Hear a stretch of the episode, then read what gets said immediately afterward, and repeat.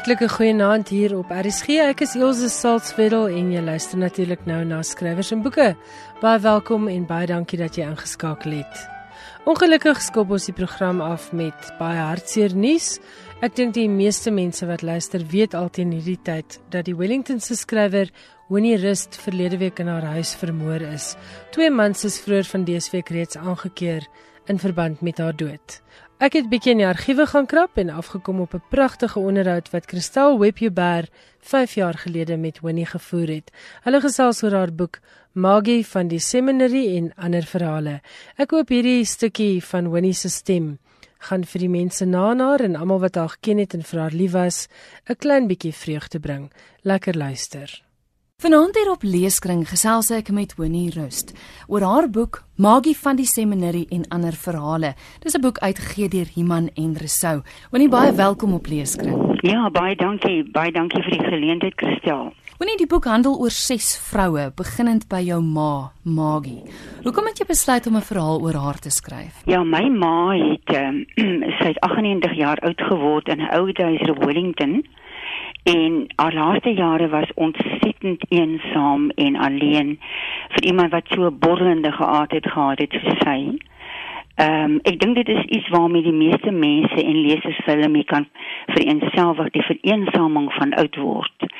En dan speel dit af dan sy terugstel terugflitse van haar jong dae in aan die seminary op Wellington. En uh, miskien moet ek net 'n bietjie agtergrond gee oor die seminary. -hmm. Die seminary uh, het in die tyd van Marie ontstaan in 1874 en uh, subtiel daarmee saam het eintlik gegaan 'n beleid van verengelsing.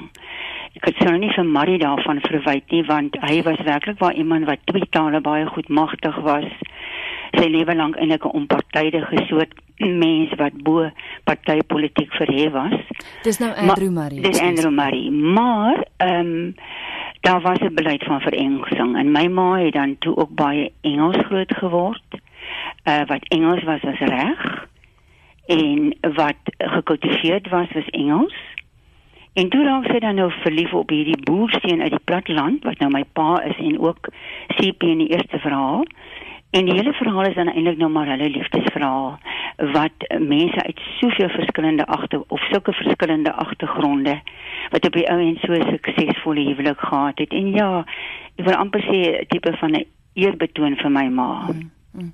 Wat 'n baie besonderse mens was en 'n wonderlike borrelende geaardheid en 'n liefde vir die lewe en ja, die verkeerdste dinge op die verkeerdste tye gedoen het, maar iemand vir wie almal so lief was. Nou die storie van jou ma het het soort van gelei na die storie van die volgende persoon in die boek, Elizabeth. Hoe het dit gekom dat dat jy toe geskuif het van die storie van jou ma na Elizabeth toe? Ja, aanvanklik was dit ses verhale, ses los verhale. Mm -hmm. En uh, ek het toe 'n baie oulike wenk gekry van van my redakteur Janita Holthaus van iemand in Resou wat gesê het maar hoekom skep ek nie 'n skrywer persoonlikheid nie wat dan nou ek sou wees in die moderne tyd en dan beweeg ek tussen hierdie vroue en ek het ontmoetings met hulle uit die uit die verlede en dit het die verhale op die ou en baie mooi gebind en uitstekend gewerk. So dan eh, toe het die eerste verhaal eintlik baie spontaan gevloei na die tweede verhaal wat nou Elizabeth was en Elizabeth uh se se agter agter kleinkind is dan nou uh ek wil amper sê was in die kamer langs aan my ma en dan het ek 'n ontmoeting met haar en sy stop vir my twee boeke in die hand en so het ek dan nou vir Elizabeth Roland ontmoet. Nou vertel vir my Elizabeth se storie. Nou Elizabeth, soos ek sê, sy was nou die oormoeder van een van Wellington se bekendste musisi uit die Nieuwberg.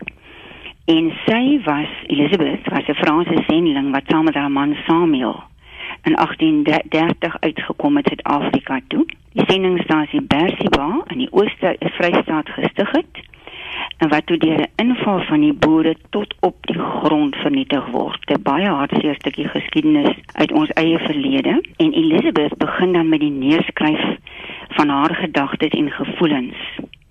En ek dink wat my hier gefassineer het is dat sy een van die eerste vroue van die tyd word wat reflekteer en wat uh oor gevoelens en gedagtes dink en dan onder andere sê ook my marriage was a grave mistake. Ja. Uh, dit het sy neergeskryf in 'n biografie wat Karel Skuman oor haar geskryf het en daai woorde het my gefassineer. Hoekom sou 'n vrou neerskryf my marriage was a grave mistake. En dit kom ook natuurlik baie duidelik in die verhaal na vore. Hoe dat hierdie grave mistake op die ou en dan nou uh, uitloop op 'n baie teer verhouding tussen haar en die verswakte Samuel. Waar sy afbuk en sy voete vryf en ek dink op die ou end is dit miskien al wat werklik mense op jou ou dag weer aan mekaar bind. Dis, mm. dis vertedering en kompassie en jammer wees aan mekaar. So dit is dan kortliks Elizabeth. Ek moet jou vra was hoe die hoe ek dan nou aanbeweeg na Emma toe? Moet ek maar voortgaan? Ja ek wil net gou vra wat my opgeval het van van die verhaal van jou ma en pa en en Elizabeth en haar man is juist daai kontras van hoe die een paartjie hierdie absolute liefde en passie vir mekaar gehad het en die en die skrille kontras van Elizabeth en haar man. Ja, jy weet ek weet nie of jy daaraan gedink het nie, maar die aanpassing van daai ou sending dames in hierdie tyd, jy weet die harde klimaat, die lang afstande, die verskriklike geswoeg om fermbene aan mekaar te hou. Hoe hou jy nog 'n huwelik in stand? Mm, mm. En een waar jy nie noodwendig lief is soos jy sê vir die persoon. Ja, wat ja. dit was gaan ook om plig, né? Ja. Dat jy maar eintlik uitkom met hoe idealisme en 'n en 'n gevoel van plig. En hoe hou dit 'n uh, huwelik aan mekaar? Mm. Jy het nou Emma se naam genoem. Ek wil hê ons moet gou-gou ook kyk na die vier ander karakters in die boek. Emma, vertel my van haar. Ja, Emma, daar is wat nou maklik gemaklik gelei het van Elizabeth na Emma is dat daar 'n verwantskap was en dat hulle mekaar vroeër geken het en in die Kaap ontmoet het. Nou Emma is die vrou van die bekende Andrew Murray en ek dink wat my gefassineer het in in haar toe ek nou haar briewe lees was die feit dat sy heeltemal 'n nuwe nuwe beeld van 'n vrou eintlik uitstraal van daai tyd. Sy was 'n intellektuele klankbord vir Andrew Murray, anders as die siening van daai tyd wat jy maar sit en borduur het. Mm. Dis die eerste ding wat my gefassineer het dat dat Andrew Murray verlig was vir sy tyd en Emma ook en en die vrou absoluut as as sy gelyke gesien het en natuurlik ook jy weet Emma het half verdwyn in die glorie van Andrew Murray en ek ek het gevoel sy verdien 'n volwaardiger plek. So goed, ek het teruggegaan op Emma Marie en die twee jong getroudes aan gevolg Bloemfontein toe en hulle eerste tyd daar beskryf voor hulle nou later Wellington toe gekom het na my tuisdorp toe. 'n Ander ding wat my gefassineer het is kyk Bloemfontein was in daardie dae 'n godverlate ou plekkie, baie afgesonderd en Emma wou hierdie band met die beskawing hou. En sy het haar naaimasjien saamgepikkel oor die groot riviere en sy het 'n klavier saamgepikkel oor die groot riviere. En goed, daai aspek het my ook gefassineer en dan het sy dwarsdeur jy kan dit baie goed agterkom in haar briewe ook. So effens neerbuigend gepraat van die arme poor boerebevolking, agterlike boerebevolking en dit het my ook geïnteresseer natuurlik. Mm. Goed en dan Celestine, die volgende karakter, sy het letterlik oseane oorgesteek vir iets waaraan sy geglo het. Ja, Celestine is seker een van die interessantste vroue karakters ja. wat ooit hier deur my dorp geloop het. En daar is nog nie oor haar geskryf nie. Sy was 'n vrou van verfynde Frans-Fritse Switserse afkoms. En 'n vrou wat oor die 60 jaar oud was. Toe sy oseaan kruis agter 'n charismatiese prediker aan met die naam van Wouter Groenewoud wat Wellington en die omliggende omgewing as die land Kanaan voorgehou het. En dit het my geïnteresseer. Nou goed, Celestine het 'n baie ongelukkige geskiedenis gehad van van verlies. Sy het baie jong ouderdom het sy al moes sy haar het haar man verloor vir wie sy baie lief was. In Nederland nou praat ek van en en ja op die grens van Frankryk. En moes sy vier seuns alleen of was dit nou vyf? Vyf seuns alleen grootmaak.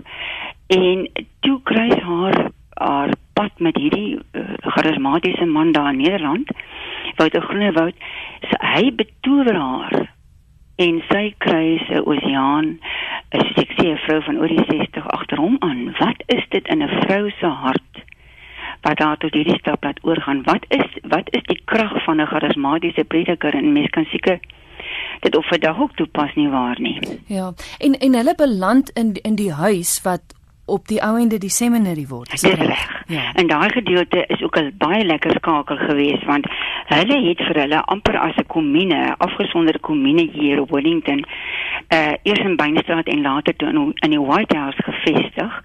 Baie vreemde dinge gedoen daar agter die agter die ek wil amper sê agter die tralies maar agter die mure veel wywery beoefen, ehm um, sekere uitsprake gemaak dat die eind eindtye op daai dag en datum gaan plaasvind.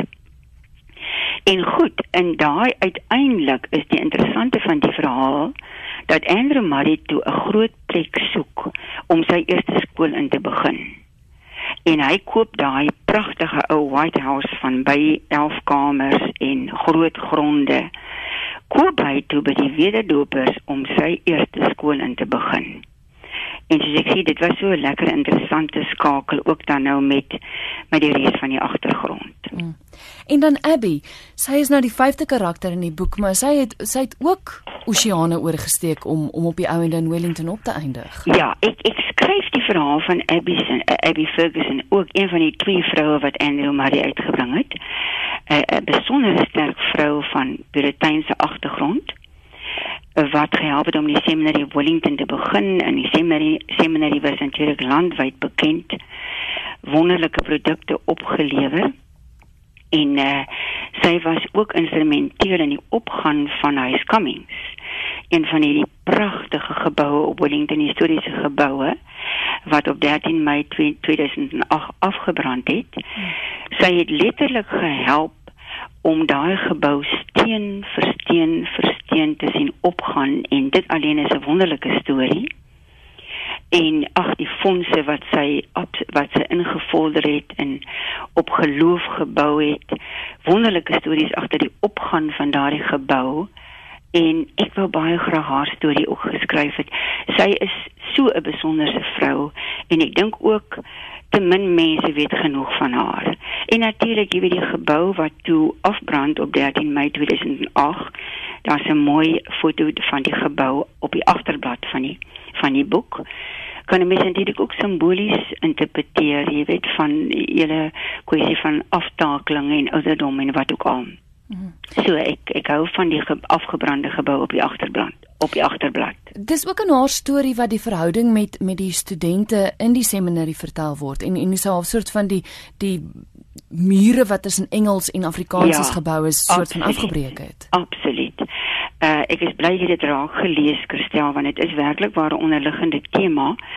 Uh soos ek sê onbewustelik later natuurlik meer bewustelik met die met die aangloop met die uitbreek van die Anglo-Boereoorlog is daar nogal lelike stories van hoe dat die onderwyseresse doelbewus probeer het om die meisies te verengels en daar ook vir die Engelse magte gebid is. Maar dit is nou 'n storie vir 'n miskien 'n ander dag. Maar maar uh, implisiet was daar 'n beleid van verengelsing.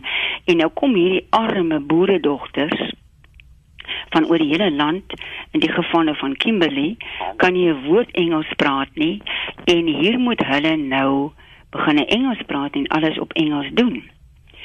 So daai konflik het ek ingeprobeer inwerk in daai verhaal want by Abby kon ek werklik waar nie 'n fout of 'n kreuk vind nie. Sy's iemand met so sterk onkreukbare karakter en jy weet skrywers werk graag met 'n bietjie krake, né? Mm, yeah. En 'n bietjie botsings. Toe ek gedink nou maar laat ek nou maar daai inbou hierdie botsing tussen hierdie arme boerekind van die platteland wat met Engels groot groot word. En dan natuurlik ook die agtergrond van die sterre, jy weet, ehm um, die sterrewag wat agter op by Skammings gebou is en ingerig is. En uh, en eintlik 'n wonderlike storie is wat want hierdie vrou het 'n lewendige belangstelling gehad in die wetenskappe. Hmm. Uh en in die sterrekunde. En sy was 'n amateur sterrekundige Abby Ferguson nou van formaat en sy het baie akkuraat die Venus oorgang uh, kon sy voorspel. Nou ek sou waar daai datum vergeet maar is in elk geval uh, met die Venus oorgang het sy akkuraat presies die tyd kon kon hulle voorspel ehm um, uh, vanuit hierdie baie primitiewe sterrewag. So daai daai sterre tema van die dogter wanneer vir die eerste keer dan hier in die sterre ruimte instaar en daar gaan vir haar 'n wêreld oop deur die oë van Abby Ferguson. Hmm. vir hierdie eenvoudige opstandige boeredogter wat terloop so 'n bietjie gebou is op die verhaal van Petronella van Heerden. Wow. Een van die eerste vroue dokters uh in die land, ek dink sy was die eerste vroue dokter in die land. Wat haar ma ook uit die Vrystaat uit na die seminarie gestuur het en sy was opstandig. En in die 16de koppie Petronella van Heerden se verhaal kom dit baie duidelik na vore van hoe min sy gehou het van die seminarie. Ja. ja. En hoe opstandig sy was oor die lang gebiddery en die lang in die kerk gesittery en die uh, ja, die subtiele verengelsing. So eintlik is daai karakter so bietjie op Petronella van Heerden se se lees geskoei. Dan die laaste karakter in die boek is uh, Louisa. Haar dogter Edith vertel haar stories. Ja, ja. Uh, Christel, ek moet hier versigtig trap want Edith leef nog. 'n Wonderlike sprankelende persoonlikheid wat nog hier in Beinstraat Wellington woon. En Louisa is haar ma se vrou. En ag, dit was vir my so lekker om die storie te skryf want hy's ligter. Mm. Hy's 'n bietjie, ek weet nie of jy dit opgetel het nie, maar hy's 'n bietjie soos my ma se verhale. Daar's lig, dis 'n ligte trant en ja, hy hy was my lekker om te skryf. Nou sy was 'n besonderse vrou in die seminarie daar, daar wat met 'n baie aantreklike faabond trou. wat al sy nonsens ander vroue verkoop ja. en landvoorreis agter diamante aan en Louisa, die produk van die seminarie, sy bly getrou aan hom. En dan natuurlik Ja, die effek wat hierdie, miskien moet ek loop ek nou my storie bietjie vooruit. Maar die effek wat hierdie vroue se verhale dan het op my as skrywer. Uit die verlede uit sê ek en jy sien op die agterblad staan daar die verlede het ek iewers gelees is met die hede verbind in 'n ononderbroke ketting van gebeure waarvan een uit die ander voortvloei. Raak jy aan die een kant bring dit 'n rimpeling aan die ander kant. 'n Foto, 'n grafsteen, 'n gesprek, 'n onverwagte ontmoeting kan dit verwek. Hmm. Met ander woorde, ek die skrywer wat tussen in die moderne tyd is nie die vroue rondbeweeg. Hierdie verhale het dan uiteindelik 'n effek op my en ja, miskien ook 'n verhouding ehm um, in die verhouding met my met my eie man. Ek gesels met Winnie Rust oor haar boek Magie van die seminary en ander verhale. Winnie, dis almal dis almal regte vroue. En ek het vir jou vroeër gesê dit was vir my so lekker want dis ses vroue wat ek glad nie geken het nie wat ek kon leer ken het deur jou boek. Is alles in die boek heeltemal geskoei op feite of het jy tog maar hier en daar verbeelding gebruik en en fiksie bygewerk? Nee, 'n mens blaas maar altyd iets van jou eie asem in 'n karakter in. Met Martha het ek aanvanklik baie gesukkel. Want ek het die hele tyd deur gevoel uh daar's mense wat baie meer weet van Martha as ek, die loopdokter Richard van der Rose, die groot kenner van Martha. Uh half bewerig en onseker begin, want jy weet nie hoeveel van jou eie gedagtes en jou eie fiktiewe ehm um, ja, stroom onderstrominge jy kan inwerk nie. Tot jy eendag gehoor het wat sê Dan Slay van sy Petronella. Hy sê sy Petronella verskil van die van Daleen Matthee want hy dit gaan deur sy eie hart, deur sy eie bloedstroom en hy blaas sy asem daarin. Nou ja, dit doen ek 'n bietjie met my eie karakters en ek ek veroorloof my nogal om te sê 'n skrywer mag dit doen. Ek weet nie of jy daarmee saamstem nie maar om lewe en asem en bloed in 'n karakter in te blaas, moet jy maar baie van jou eie eie idees en hoe jy 'n persoonlikheid sien daarin bring. Mm, absoluut. So jou feite moet min op jou raamwerk moet moet moet daarom korrek wees. Jy kan hom nou nie lelike blapse daar maak nie. Maar maar die persoonlikheid self wat jy skep, ja, daar's baie van jou van jou eie denke en die stap met die karakter saam in. Wellington speel 'n ongelooflike groot rol in die boek want want al ses die karakters het op een of ander stadium daar gewoon of of se paai is gekruis daarmee. Is dit omdat jy self al vir 60 jaar op Wellington woon dat dat jy so absolute fascinasie het met die plek en die mense wat daar was? Ja, nee, absoluut. Ehm um, my stofpunt ek maar uit my omgewing. Ek weet baie mense reis baie. Ek weet ek nie lief is vir reis nie. Kry graag nuwe indrukke maar die blywendste indrukke omdat soos jy dit reg daar sê daar so lank al hier Wellington woon en so lank al uh, in die geskiedenis van Wellington geïnteresseerd is en so lank al met die museum gemoeid is, verskaf dit vir my baie materiaal. Uh hier is eintlik nog baie onontginde materiaal. Ek is baie keer so spyt ek het so laat in my lewe begin skryf want ek het eers half voltyds kinders groot gemaak. Uh want ek voel daar's nog so baie stof waaroor ek graag sou wil skryf, maar jong. Nou raak ek ou al hier so in die in die in die pouvak van van die laaste van die 70s, né?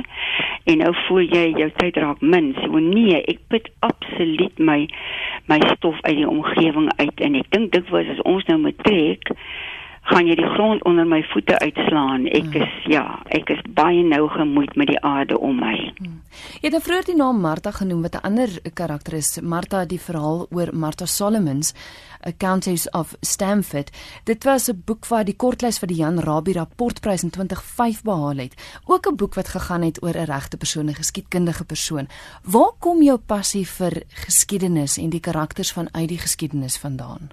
Kyk, my passie is meer die mens uh en en die verweefdheid van van ehm um, interessante karakters wat uit die verlede uit wat wat laat hulle optree soos wat hulle optree. Hmm. Ek is nie iemand vir kliniese geskiedkundige feite nie.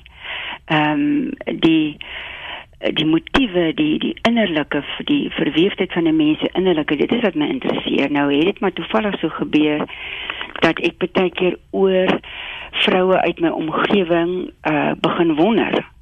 In Martha se geval was dit nou 'n baie besonderse verhaal. Uh haar haar tydvak is min of meer interessantheids halwe moet ek dit net noem. Haar tydvak was dieselfde tyd as Abby. So ek het begine besef maar almal weet van Abby Ferguson wat die die strate van Wellington gewandel het uh in pragtige Victoriaanse drag geklee maar min mense weet van Martha Solomons met 'n kopdoek aan wat ook daai selfde tyd hierdie strate van Wellington beweeg het. Uh en heel moontlik het daai twee se paai gekruis. Heel moontlik het Martha geweet van Abby.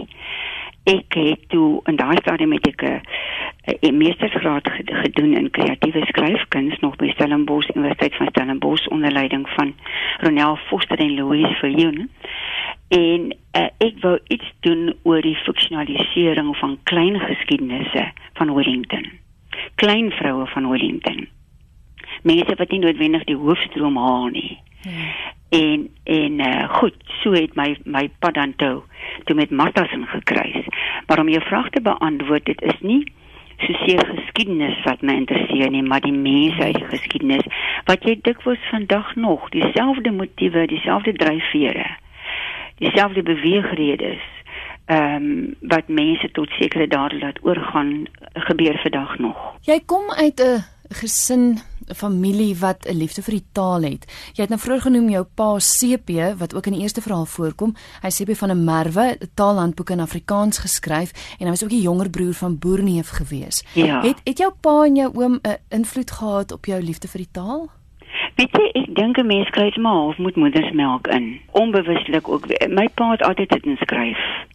Ek vertel dit was vir mense, o, hoe wonderlik is dit dan vandag om met die rekenaar te kan werk want ek onthou hy het alles met die hand gedoen op sulke ou tyd skryfblokke en dan sulke lang rooi strepe getrek uh, waar hierdie paragraaf nou moet met 'n rooi potlood. Ja waar hierdie paragraaf nou moet verskuif word na 'n vorige paragraaf ensovoorts ensovoorts. En ja, hy was ook op die voorgeskrewe kommissie wat ons al wat boeke voorgeskryf het. Wat ons alle boeke wat in Afrikaans verskyn het verniet ontvang het en ek het tussen rakke en rakke vol boeke groot geword. So onbewuslik drinke mense dit maar in. Hy het vir my as kind ook baie stories vertel van van boerplaas, boerplaas omgewing. Ehm um, ja, baie van die boernie verhale het ek mee groot geword. Boernie het onder andere baie dikwels uit natuurlik ook baie laat in sy lewe begin het dag. Hy het dikwels my pa geskakel en dan sê hy van sy rympies wat nou later rympies ons het destyds genoem. Mm. Dan draai van sy poesie voor oor die telefoon En dan lag ons kinders half daarvoor want ons verstaan en daai stadium nie hierdie wonderlike klankspel nie. Jy weet ja. ons dink dit is verskriklike snaakse goed wat wat om Isak het ons genoem nou vir my pa voorlees. So ja, ek ek het regtig waar eh, baie bevoorreg geweest om in so 'n boekhuis groot te word. En my pa se groot liefde vir die boeke mee te maak, vir die Afrikaanse boek, maar ook baie vir die Nederlandse romantiese geselle, langstukke uit daai geselle dikwels voorgedra uh terwyl hy vir hom afgedroog het in die badkamer het ons voorgedraai voor. Baie lief baie lief gewees vir die Duitse kunslied. Goeie ja nee ek het kleine Johannes uh ek het ek het nogal daarmee groot geword Wat lees jy self? Lees jy bloot net geskiedkundige boeke of het jy 'n wye belangstelling? Nee, o God, ek lees nie net geskiedenis nie. Ek het nogal 'n belangstelling in die religie. Uh ek lees min of meer ook uh die groot boeke wat in Afrikaans verskyn. Ek probeer ou klassieke werke skryf. Onlangs het my broer uh, lees, ek sê skryf uh lees. Onlangs uh ek behoort aan 'n poesiekring in in Bellville wat ons ontsettend baie poesie lees en behandel. Ek het onlangs mos ek 'n uh, hele ding oor Emily Dickinson voorberei wat vir my wonderlik was. Ek behoort in in Wellington aan aan leeskringe wat my gees voed en my leeslus voed. Ek uh, ek verkeer graag met mense wat ook lees en boeke aanbeveel. Ek het onlangs het my broer Chris wat ook 'n uh, ehm um, letterkundige is vir my voorgestel aan 'n Joodse skrywer Amos Oz wat ek gaande oor is a tale of love and oh ja nee nou dit daai a tale of love and departure dink ek. Mhm. Mm ehm um, wonderlike boek. Nee, die boeke is baie is deel van my bestaan, Kristal. Ek sou daar sonder nie kon leef nie. Ek hoop dat ek voor ek dood is, darm die die Kindle kan baas raak met die groot letters, want ek vind dit my oë al meer en meer uh, sukkel met die kleiner lettertipe en die kleiner font. Ja. Maar ja, nee, ek ek is baie boeke is 'n groot onderdeel van my lewe. Ek het 'n passie daarvoor. So 'n laaste vinnige vraag, ons tyd het uitgehardloop, maar jy het nou gesê daar's nog so baie stories en verhale wat jy wil vertel. Is daar een waarna jy tans werk? Ja, ek is taamlik diep al in 'n in 'n kortverhaal kortverhaalbundel, ook met Wellington as as agtergrond. Hier was verskuiwings van die middedorp in die jare 50 en daar's wonderlike stories daaromheen verweef van breinmense uh aardelike breinmense wat uit die wat die middedorp moes verlaat. En 'n gedeelte van die boek handel daaroor en 'n ander gedeelte hang maar uh, hang hang weer eens baie nou saam met die oudwordproses en verlies. Maar ek hoop daarom ek kan 'n bietjie humor en ligheid ook daarin inbou. Ek kan nie net van van die swaar kant van boeke nie. Mm. Wel ek sien uit na die boek en baie dankie vir die gesels. Dit was wonderlik. Dankie Christel. Ek waardeer jou oproep en jou gesprek. Dis die skrywer Winnie Rust met wie ek gesels het oor haar boek Magie van die Seminary en ander verhale, 'n boek uitgegee deur Iman en Resou. Dit was dan ons huldeblyk aan die skrywer Winnie Rust.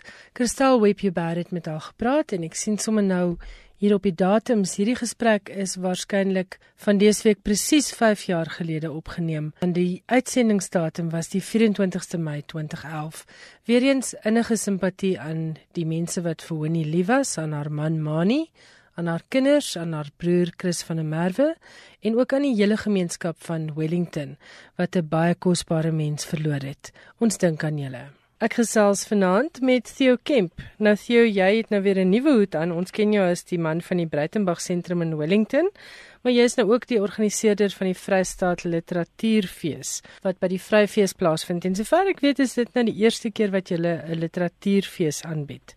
Vertel ons 'n bietjie daarvan. Ja, dit is vir my 'n uh, eh, baie groot voorreg om hierdie nuwe hoed te kan dra want dit is 'n uh, dit was 'n droom van professor uh, Jonathan Jansen, die rektor van die Vrystaat Universiteit en hy en sy studente dekaan Cornelia Fasen op haar stadium het my genader om te vra of ek nie betrokke wil wees om so 'n program saam te stel nie. Want dit is aan die een kant is dit 'n uh, 'n uitbreiding soort van van die boekeprogram wat was by die by die Vryheid se Kindsfees, maar ons uh, brei dit aansienlik uit. Uh, ons fokus bly baie sterk op Afrikaans, maar ons wil baie graag ook weerspieël wat aangaan in groter Suid-Afrikaanse boekewêreld. Daarom sluit ons ook Engelse uh, titels in en natuurlik ook skrywers, soete skrywers, veral skrywers weet van die Vrystaat rond, so soete is 'n groot uh, taal vir ons prioriteit. En ons wil sodoende ook verskillende gehore kry en natuurlik ook vir ons Afrikaans in 'n groter wêreldkonteks plaas. So ons groot droom is om die fees ook uit te brei dat dit internasionaal gerekende fees word. Nou ons het so 'n klein stap in daai rigting want ons skryf vanjaar vir Zyx Munda, wat van die Suid-Afrikaanse skrywer wat in Amerika gevestig is. Jacob Lamini is ook uh, van Amerika. Uh, Native Nostalgia, so mense onthou was sy eerste boek wat uh, baie goed was. Wilfred Nsonda, hy is van die Kongo maar woon in Frankryk. Kader Abdullah van Iran wat in Nederland is, 'n verskriklik produktiewe skrywer wat sy boeke oor die 20 tale vertaal is. Hy kom na Suid-Afrika. Ook Chika Onikwe van Nigerië wat ook in Amerika woon, kom ook na Suid-Afrika. So dit is so 'n mengelmoes van van klomp dinge en ons probeer iets vir almal wees, alle genres aanraak en so en dis meer. Dis 'n baie indrukwekkende lys wat jy daar vir ons gelees het. Waar het jy aan al hierdie skrywers gekom? En wat het jou laat besluit om byvoorbeeld die Iranese skrywers Suid-Afrika toe te bring? Ons tema vir die eerste fees, soos ek dit daar dog kan sal ons het 'n fokus vir die fees of ek het 'n fokus gesoek en die fokus was vir my 'n uh, tema en die tema was ons Afrika. So dit is sommer die fokuspunt van die eerste fees en ek het natuurlik na skrywers begin soek wat interessante maniere verbind met Suid-Afrika. Nou skrywers van hier dit is natuurlik maklik want ek bedoel ons is almal hier reflekteer dit noodwendig alle skrywers in hulle skryfwerk nie maar jy is verbind tot die kontinent en en die uitdagings van om hier te woon. Die oorseese skrywers was uh, natuurlik Jacques Monda wat ek dink uh sekerlik maklik gereken kan word as een van die grootste Suid-Afrikaanse skrywers wat in 'n wêreldarena werksaam is. Jacob Lamini wat uh op 'n baie eerlike en reguit manier kwessies takel van van hier wees van in Afrika woon. En uh Sika Onikwe wat in Vlaandere opslag gemaak het in België met haar romans. Ehm um, sy het 'n verskriklik interessante agtergrond soos van Nigerië. Sy het gegaan na wat gebeur met soveel mense van Afrika se verder gaan studeer in in België, die, die Vlaams begin praat, daar begin skryf en uh, so van die gemarginaliseerde swart vroue wat 'n vlugteling soek in in België en elders in Europa, het sy begin uitlig met van haar skryfwerk en uiteraard baie vinnig aandag getrek. Uh Kader Abdullah moes gevlug het uit Iran uit uh nadat hy die die regering ehm um, in sy skryfwerk uh, aangevat het. So so hy kom weer uit 'n totaal politieke konteks, ook dieselfde storie met Shika, hy het in Nederland homself gevestig en hy die taal aangeleer het, vlot Nederlands leer skryf en praat en begin publiseer daarin en vandag is hy een van die bekendste en uh bekroonste skrywers in in Nederland en Wilfred Sonde dieselfde verhaal weer eens van die Kongo verhuis na Frankryk kan Frans praat maar uh begin dan skryf na 'n namaak. Jy weet so dit is my interessante ehm um, wegspringplek. So een van die gesprekke is dan nou ook soort van hoe beskryf jy Afrika as jy nie meer in Afrika woon nie? Wat is die invloed van die land uh, of die kontinent eerder nog steeds in jou skryfwerk het? En 'n ander sessie met Alfred Schaffer wat uh, ons nou almal ken in Nederlandse digter wat hier klas gee in Stellenbosch Universiteit. Ehm um, hy lei weer 'n sessie oor Hoe beskryf jy die vreemde? Hoe beskryf jy soort van 'n nuwe land waar jy as 'n buitestander inkom en jouself daar vestig? So dit was die die werkspringplek om die oorseese skrywers te nader. Dis 'n interessante invalshoek en uh die Nederlanders, ons het natuurlik ook op 'n ander manier 'n band met hulle en selfs met die Franse want ons is mos nou maar eintlik 'n volk wat uit allerlei Europese nasies ontstaan het. So ek hou van jou invalshoek en ek hoop die luisteraars ondersteun hierdie fees want daar is ook baie Afrikaans op jou program. Vertel vir ons 'n bietjie daarvan. Ja, ons het ons het byvoorbeeld elke jaar, dit is 'n 'n groot geleentheid om 'n skrywer te kry rondom 'n boek uh, en kos. Ons noem dit noem dit die fees van Sintuie. Ons het hierdie jaar vir die baie immer gewilde Marita van der Vyver. So mense kan haar daar raakloop het byvoorbeeld 'n sessie met uh, Ingrid Winterbag, uh, sy is vir die fees oor vlakwater haar nuwe roman. Uh ons het ook vir Hans Du Plessis wat sy nuwe boek kom bekendstel. Ehm um, Irma Joubert is daar om te gesels oor historiese romans en waar dit vandaan kom, jy weet, ehm um, hoe skryf mense dit, hoeveel is die waarheid, hoeveel is leuen? Uh ons het byvoorbeeld 'n lekker gesprek oor Anglo-Boere oorlog Hoekom fascineer dit nog steeds mense? En daar's Albert Blyk betrokke, Johan Creer, Francis Smit, uh Louis Botma ons probeer nie net ons doen nie, maar ook ernstige gesprekvoering. Ons het 'n diskursreeks wat die gewilde of die bekende Ruder Landman elke oggend doen. Uh en waar ons gaan praat oor dinge soos hoe getransformeerd is universiteite nou werklik? Kyk na 'n boek van uh Jacy van der Merwe en Dion van Reenen wat gaan oor die rights incident van destyds, maar ook wat by die Vryheidsstad Universiteit plaasgevind het, maar hoe ons sedertdien ontwikkel het. Ons kyk na klimaatsverandering, ehm um, wat die impak is op ons land, wat daar verkiesings in Susan Boysen is onder meer daar met haar boek uh oor dominance and decline the ANC in the time of Jacob Zuma. Ons het donker stroom, jy weet die ondersoeker Eugene Maree, ja. Karel van der Merwe is daar teens Elof oor uh, wat nou Suid-Afrika en 'n fantastiese nuwe boek van Karla van der Spy wat mense nou nou leer ken het. Sy is onder meer oor haar boek oor um, vroue in die gevangenis. Haar nuwe boek handel oor uh eh, Jay Harof, die die vrou wat van Gert van Rooyen destyds die boek is mishandel, misbruik, misken wat by die fees uh, bekend gestel sal word sodat uh so daar's 'n verskillende klomp goed. Daar's natuurlik moordverhale, ons kyk na spanningsromans, kerk see gesels met Rudy van Rensburg oor sy nuwe boek uh, Piranha. Jy weet daar's kookboeke byvoorbeeld, die Vette Mossel van Neil de Bois word bekend gestel by die fees en ons het elke aand ook 'n digtersprogram, jy weet waar mense kan kom sit en na buikgevegte luister en luister hoe mense uh, randklets doen. So daar's regtig iets vir almal, maar waar kan mense gaan lees oor die fees en waar bespreek hulle? Mense kan bespreek by Competicket, landwyd natuurlik en Die program is, is te kry op ons webwerf, die volledige program. Dit is by www.vrystaatkunstefees.co.za. So dis www.vrystaatkunstefees.co.za. Dit is nou as jy wil lees oor wat alles op hierdie jaar se Vrystaat Literatuurfeesprogram is. Theo Kemp is die organiseerder en hy gaan weer so oor 'n paar weke vir ons kom herinner aan die Vrystaat Literatuurfees. Theo, baie dankie en baie sterkte met al die reëlings. Baie dankie, waardeer dit. Ek het gesels met Theo Kemp, hy is die organiseerder van die Vrystaat Literatuurfees wat deel vorm van die Vrystaat Kunstefees wat in Julie maand in Bloemfontein gehou word. Nou die hele program van die Vrystaat Literatuurfees wat van 11 tot 16 Julie plaasvind, is dan te kry op die Vrystaat Kunstefees webwerf. Gaan loer gerus daar. Verlede week kon 3 luisteraars elkeen 'n eksemplaar wen van Dok Immelman se bundel Liefdesverhale getiteld Die meisie op die bus en ander verhale. Dit is 'n paar jaar na sy dood uitgegee deur Protea Uitgewers en hulle het vir ons 3 eksemplare geskenk van hierdie pragtige boek. Die luisteraars kon 'n SMS stuur na die ateljee, die rekenaar het vir ons 3 name gekies. Dit is Susan Prinsloo van Uvongo, Pierre Kleinans van George en Jan Rooi van Pella en as ek reg onthou is Pella in die Noord-Kaap. Baie geluk aan julle drie en Protea Uitgewers sal sorg dat julle eksemplare van hierdie boek by julle uitkom. Baie dankie aan almal wat aan die kompetisie deelgeneem het. Verlede naweek het ons heerlik ATKV Media Feertjies gehou. RSG het daar 'n hele paar toekenninge gekry en kort op die hakke daarvan is daar hierdie kennisgewing weer van die ATKV af. Hierdie keer gaan dit oor die ATKV Woordfeertjies. Die 2016 ATKV Woordfeertjies word op Vrydag 9 September tydens 'n prestige geleentheid by die Aria in Durban wil toegeken.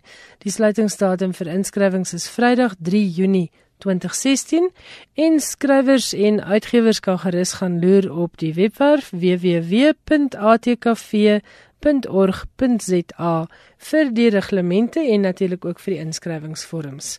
Daar's verskillende kategorieë ATKV prosa prys wat die groot prys is. Daar's 'n prys vir die beste dramateks, 'n prys vir die liefdesroman van die jaar, daar's 'n prys vir die digbundel van die jaar, prys vir romanses en 'n prys vir spanningslektuur. En dan is daar ook 'n woordwys toekenning aan mense wat 'n groot bydrae tot die Afrikaanse woordeskat maak, 'n instelling. En dan is daar heerlike kinderboek toekennings. Altyd lekker om te sien wat se kleurvolle en wonderskone Afrikaanse kinderboeke loop weg met hierdie pryse. As daar navrae is, skakel gerus vir Janie Nodee by 011 919 9088. Ek is Elsje Salzveld, jy luister na skrywers en boeke en jy's ingeskakel op RSG. Baie dankie dat jy saam luister.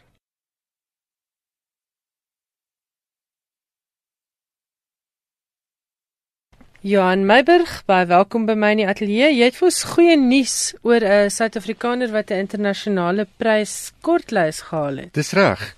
Die kortlys vir die 2016 Kane Prize for African Writing is onlangs aangekondig en die Suid-Afrikaanse skrywer Lidudu Malingani is een van die 5 skrywers wat meeding om die prys wat jaarliks toegekend word vir die beste kortverhaal deur 'n skrywer in Afrika. Die verhaal moet in Engels geskryf wees. Die prys is in 2000 ingestel en is nog net twee keer deur 'n Suid-Afrikaanse skrywer ingepalm. In 2006 toe Mary Watson dit gewen het met haar kortverhaal Jongvrou en weer in 2008 toe Henrietta Rose Innes se kortverhaal Poison vir haar die prys besorg het. Die prys is genoem na Sir Michael Harris Kane, voormalige voorsitter van die Booker Groep Vanweë die koneksie met die Boekerprys word daar soms na die Kane-prys verwys as die Afrika Boeker. Die ander vier benoemdes is Abdul Adan van Somalië en Kenia vir die kortverhaal The Life Bloom Gift. Leslie Neka Arima van Nigerië vir What It Means When a Man Falls from the Sky. Tope Fularin van Nigerië vir Genesis en Bongani Kona van Zimbabwe vir At Your Requiem. Lidudu Malingani Mkomboti wat skryf onder die naam Lidudu Malingani is benoem vir sy kortverhaal Memories We Lost gepubliseer in Incredible Journey Stories That Move You verlede jaar uitgegee deur Benet Media. Hy kom van die Oos-Kaap en is benewens skrywer ook rolprentmaker en fotograaf. En afgesien van verhale skryf hy ook nie fiksie en resensies. Sy rolprente is al op verskeie feeste vertoon. Die wenner word op 4 Julie in Oxford se Bodleian Biblioteek aangekondig. Die prysgeld is net meer as 220 000 rand en elk van die 5 skrywers op die kortlys kry elk sowat 12 000 rand. Die verhale van die 2015 wenners is byeengebring en in Suid-Afrika deur Jakana Media uitgegee as Lusaka Pink. Dit is altyd vir my so lekker as iemand so groot deurbraak maak, veral in iets so kortverhale wat so baie dikwels misken word. Dit dis presies dit, ja. Wat het jy nog vir ons? Goed berigte dat die Russiese regering boeke verbrand het en 500 titels uit twee universiteitsbiblioteke laat verwyder het, is ongegrond. Het die Russiese departement van kultuur gesê nadat die land se skrywersunie beswaar gemaak het oor die vernietiging van die boeke. Volgens die Britse dagblad The Guardian het berigte vroeër die ronde gedoen omtrent boeke wat by die universiteite in die noordwestelike Komi-streek verbrand of onttrek is omdat die inhoud strydig sou wees met Russiese ideologie. Die meeste van die handboeke is gepubliseer met skenkings uit die Soros Fonds, die verskansingsfonds van die miljardêr George Soros, 'n velkritikus van president Vladimir Putin. Soros se Open Society Stichting en Open Society Institutes Assistance Stichting is albei verlede jaar tot ongewenste organisasies in Rusland verklaar. 'n Woordvoerder van die Russiese regering het gesê die media het die kat in die stert beet en dat die boeke wel onttrek is, maar in 'n pakkamer geberg is. Soros het Putin in Februarie beskryf as 'n groter bedreiging vir die Europese Unie as die Islamitiese staat, ook bekend as IS. En jy weet of die boeke nou onttrek is en of dit verbrand is, dit bly 'n skreiende skande. Dis gewoon sensuur. Ja, dit is en en dit laat mense wonder beweeg Rusland nou weer terug na die toestand waarteen hulle so hard beklei het om van bevry te word. En wat se nuus het jy nog vir ons? Max Porter, die Britse skrywer wie se debuut Grief is the thing with feathers benoem is vir die Guardian se debuutprys is pas aangewys as die wenner van die 10de Dylan Thomas Prys. Die 35-jarige Porter werk vir die uitgewer Portobello Books en hy was onder meer die redakteur van Eleanor Catton se The Luminaries, die boek waarmee sy in 2013 die Man Booker Prys gewen het. Grief is a thing with feathers is die verhaal van 'n pa en sy twee jong seuns in die weke wat volg op die dood van die kinders se ma. Dis in die tyd dat Crow opdaag en langer bly as wat die geveerde antagonis, kinderoppasser, geneeser en bedrieër nodig het. Die boek word beskryf as deels novelle, deels 'n opstel oor rousmart. Dit was die digter Ted Hughes se bundel Crow wat as inspirasie gedien het vir Porter se boek.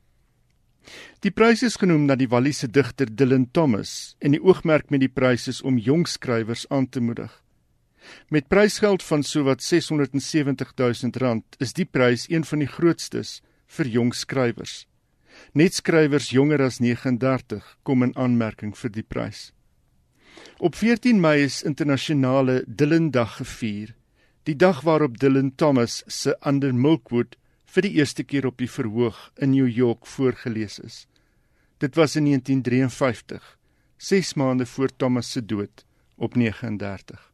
En dan het jy 'n laaste brokkie. Onlangs het ons gepraat oor letterkundepryse soos die Man Booker International en die Amerikaanse prys vir die beste vertaalde boek om die statuur van boeke wat buite die Engelse taal geskryf word aan te moedig. Nou volgens The Guardian is die pogings besonder geslaagd in Brittanje want skrywers soos Elane Ferrante, Haruki Murakami en Ove Knuskor vaar gemiddeld glo beter in boekwinkels as hulle Britse eweknieë. Navorsing wat Nielsen boek gedoen het, dui daarop dat vertaalde boeke oor die algemeen beter verkoop as boeke wat oorspronklik in Engels geskryf is. En dis veral so ten opsigte van fiksie. Verkope van vertaalde boeke het gestyg van 1 miljoen eksemplare in 2011 tot 1,5 miljoen in 2015. Hoewel vertaalde fiksie in 2015 net 3,5% van alle gepubliseerde titels uitgemaak het, was die volume verkope 7%. Veral drie redes word aangevoer vir die toename. Mense reis meer en kyk ook na buitelandse televisieprogramme. Daar is gewoon sterk skrywersstemme in ander tale en dan ook soos Ferrante, Murakami en Knuskor en daar is klein uitgewers wat spesialiseer in vertaalde fiksie wat 15 jaar gelede nie die geval was nie. En weet jy, meer as een Suid-Afrikaanse Engelse skrywer het al vir my gesê, dit maak hulle moedeloos want hulle ding in Suid-Afrika mee teen 'n klomp boeke uit verskillende lande wat in Engels vertaal word en die Britse mark en die Amerikaanse mark. Dis 'n ongelooflike groot mark. So hulle is half moedeloos en hulle beny ons Afrikaanse skrywers, hulle loyale volgelinge. Mm Baie dankie Johan, baie lekker soos altyd. Met Johan se lekker bydrae oor die internasionale letterkunde en al die gebeurtenisse in die boekewêreld, het ons aan die einde gekom van vanaand se skrywers en boeke. Volgende Woensdag aand maak ons weer so, dan gesels Suzette Kotse Meiburg in Kaapstad met Marinda van Sail oor haar splinternuwe roman Amraal. Onthou hierdie program is beskikbaar as 'n potgooi, daarvoor gaan jy na ons webwerf by rsg.co.za Klik op potgooi en dan volg jy eenvoudig die maklike stappe om by skrywers en boeke uit te kom. Alles is daar gelys. As jy 'n SMS wil stuur, die SMS nommer is 34024 en vir e-posse is my adres skrywersenboeke@rsg.co.za. Volgende Woensdag aand, dieselfde tyd, 8uur, soos altyd, en dieselfde plek hier op RSG, gaan ek Elsje Salzwetel hopelik weer saam met jou die skrywers en boeke luisteraar kan kuier.